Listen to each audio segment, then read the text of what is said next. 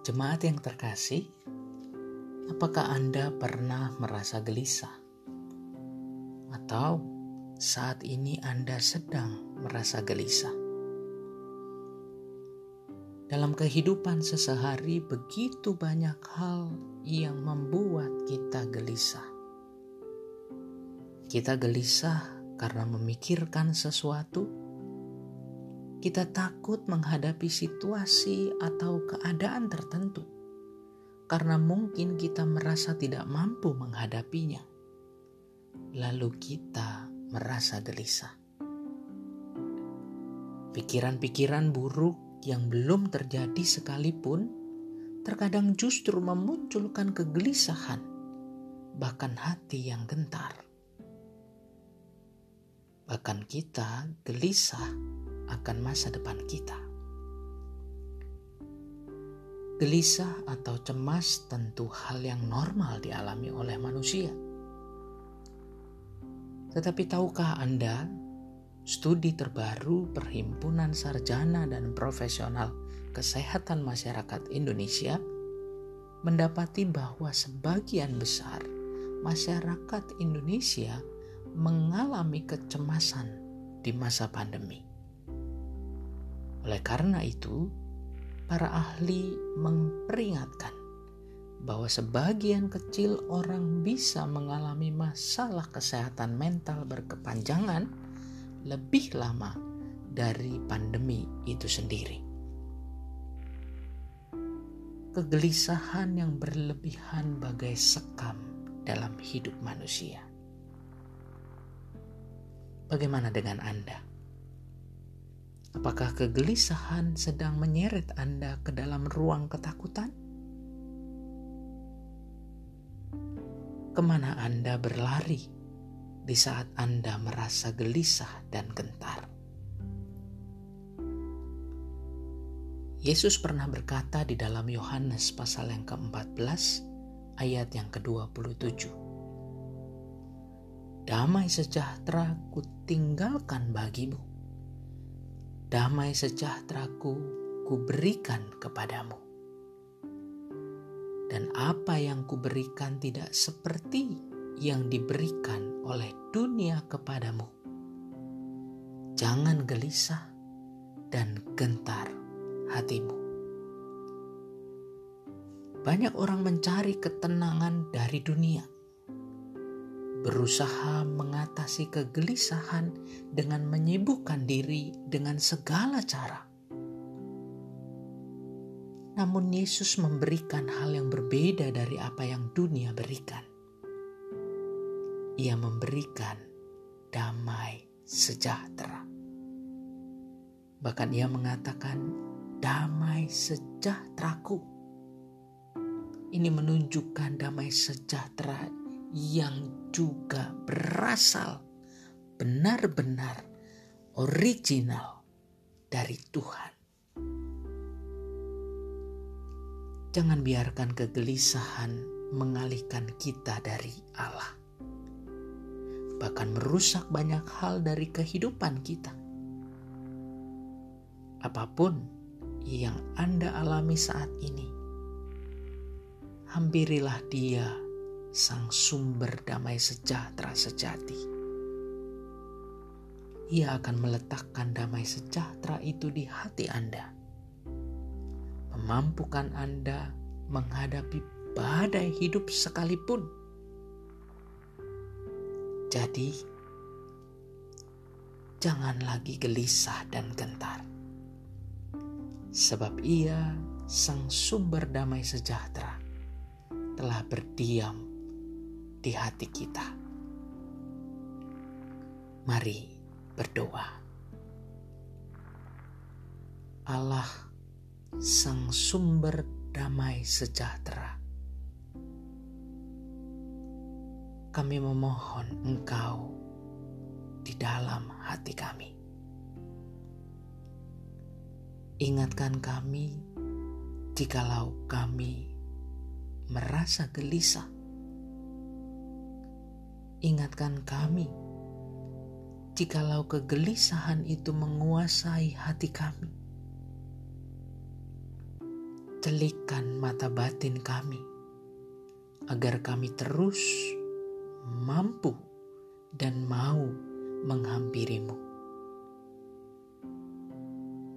Bantulah kami, ya Tuhan, di dalam setiap perjuangan hidup kami. Kami percaya dalam damai sejahteramu kami bernaung. Amin.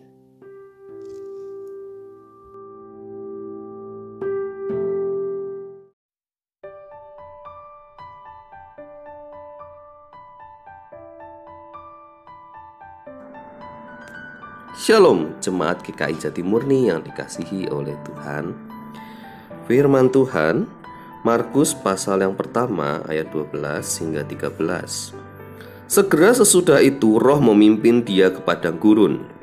Di padang gurun itu ia tinggal 40 hari lamanya dicobai oleh iblis.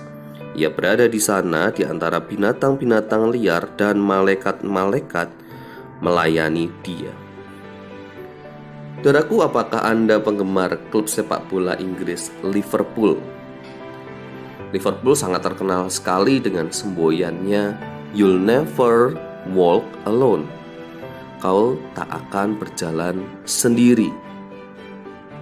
You'll never walk alone.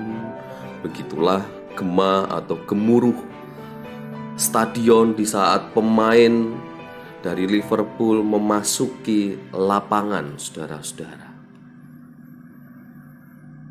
Bukankah dalam kehidupan kita, saudaraku, Allah juga melakukan demikian, menyertai perjalanan kita, dan kita tidak akan berjalan sendirian.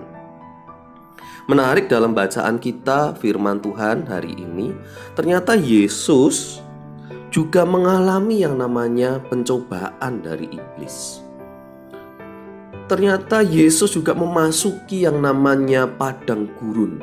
Mungkin kalau disimbolkan, padang gurun ini juga sama seperti penderitaan yang sedang kita hadapi. Barangkali padang gurun kita saat ini adalah pandemi ini. Saudaraku, Yesus saja mengalami pencobaan, apalagi kita. Yesus ternyata juga mengalami penderitaan apalagi kita. Namun ada pimpinan Roh Kudus di situ. Namun Allah menyertai sehingga Yesus tidak jatuh di dalam pencobaan, saudara-saudara. Di tengah-tengah apa yang kita hadapi saat ini, saya percaya Tuhan juga menyertai kita. Allah menjaga kita, saudara-saudara. Namun, bukan berarti kita bebas dari yang namanya pencobaan, bukan berarti kita bebas dari yang namanya penderitaan. Kita mengalami realita yang membuat kita menderita. Mungkin kita sedang melakukan isolasi mandiri. Mungkin kita saat ini bahkan ada di rumah sakit Mungkin di tengah pekerjaan kita, kita tergoda di tengah-tengah ekonomi yang tidak mudah ini. Banyak godaan-godaan untuk melakukan dosa di tengah situasi pandemi penderitaan saat ini. Dan Allah saudaraku tidak akan membiarkan kita jatuh. Di dalam Allah tidak membiarkan kita jatuh, tetap memerlukan kemampuan kita untuk berpikir, hikmat, memutuskan segala sesuatu dengan benar. Maka di situlah juga hadir ujian Allah. Ini menarik saudaraku karena ternyata bentuk penyertaan Tuhan tidak memanjakan. Bentuk penyertaan Tuhan bisa hadir juga di dalam ujian. Pendeta Yowasa di Prasetya mengatakan dalam pengalaman, dalam satu peristiwa ada dua dimensi sekaligus. Ada pencobaan dari iblis, juga ada ujian dari Allah. Bedanya adalah kalau cobaan dari iblis itu menjatuhkan, membuat kita jatuh terpuruk di dalam dosa. Sedangkan ujian dari Tuhan membuat kita bertumbuh dewasa, semakin lebih baik iman kita, semakin yakin dan percaya kepada Tuhan. Maka kita bersyukur Jikalau kita ada di tengah-tengah padang gurun dan sedang mengalami pencobaan, sadarilah bahwa Tuhan tidak meninggalkan kita. Kita diminta untuk lebih peka akan kehadiran ilahi di dalam setiap peristiwa, namun sekaligus mewaspadai pada kehadiran kuasa-kuasa jahat, saudaraku. Maka Allah yang setia, saudara-saudara, bukanlah Allah yang akhirnya membuat kita tak berdaya.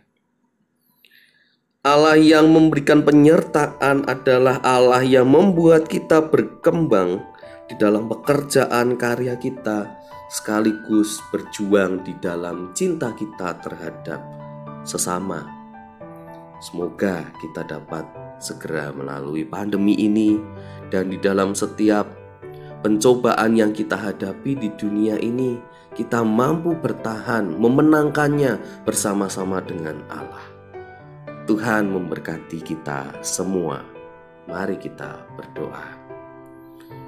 Bapa, kami mohon penyertaan-Mu di saat kami akan memulai aktivitas kami hari ini.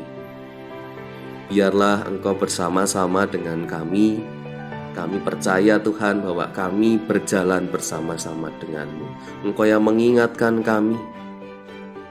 Engkau yang coba mengarahkan kami supaya kami tidak jatuh dalam pencobaan. Berikanlah kami kepekaan Berikanlah kami hikmat kebijaksanaan Supaya kami menyadari Kami tahu apa yang kami putuskan ya Tuhan kami merasakan Tuhan rengkuhan cinta kasih-Mu di tengah segala keterbatasan kami. Terlebih kami yang sedang berjuang di tengah pandemi ini. Mungkin kami juga sedang mengalami bencana-bencana yang ada. Banjir. Kami yang sedang repot Tuhan untuk membersihkan sisa-sisa bekas dari banjir. Kami mohon Tuhan Engkau yang selalu ada di dalam kehidupan kami ini biarlah kami juga dapat merespon dengan segenap hati kami dan kami belajar Tuhan untuk juga dapat bertumbuh di dalam setiap ujian kehidupan yang kau berikan. Kami bersyukur karena itu mendewasakan, membuat kami sebagai orang Kristen yang semakin dewasa hari demi hari. Terima kasih ya Bapa atas setiap pengalaman kehidupan yang kau beri. Di dalam nama Tuhan Yesus Kristus kami berdoa. Amin.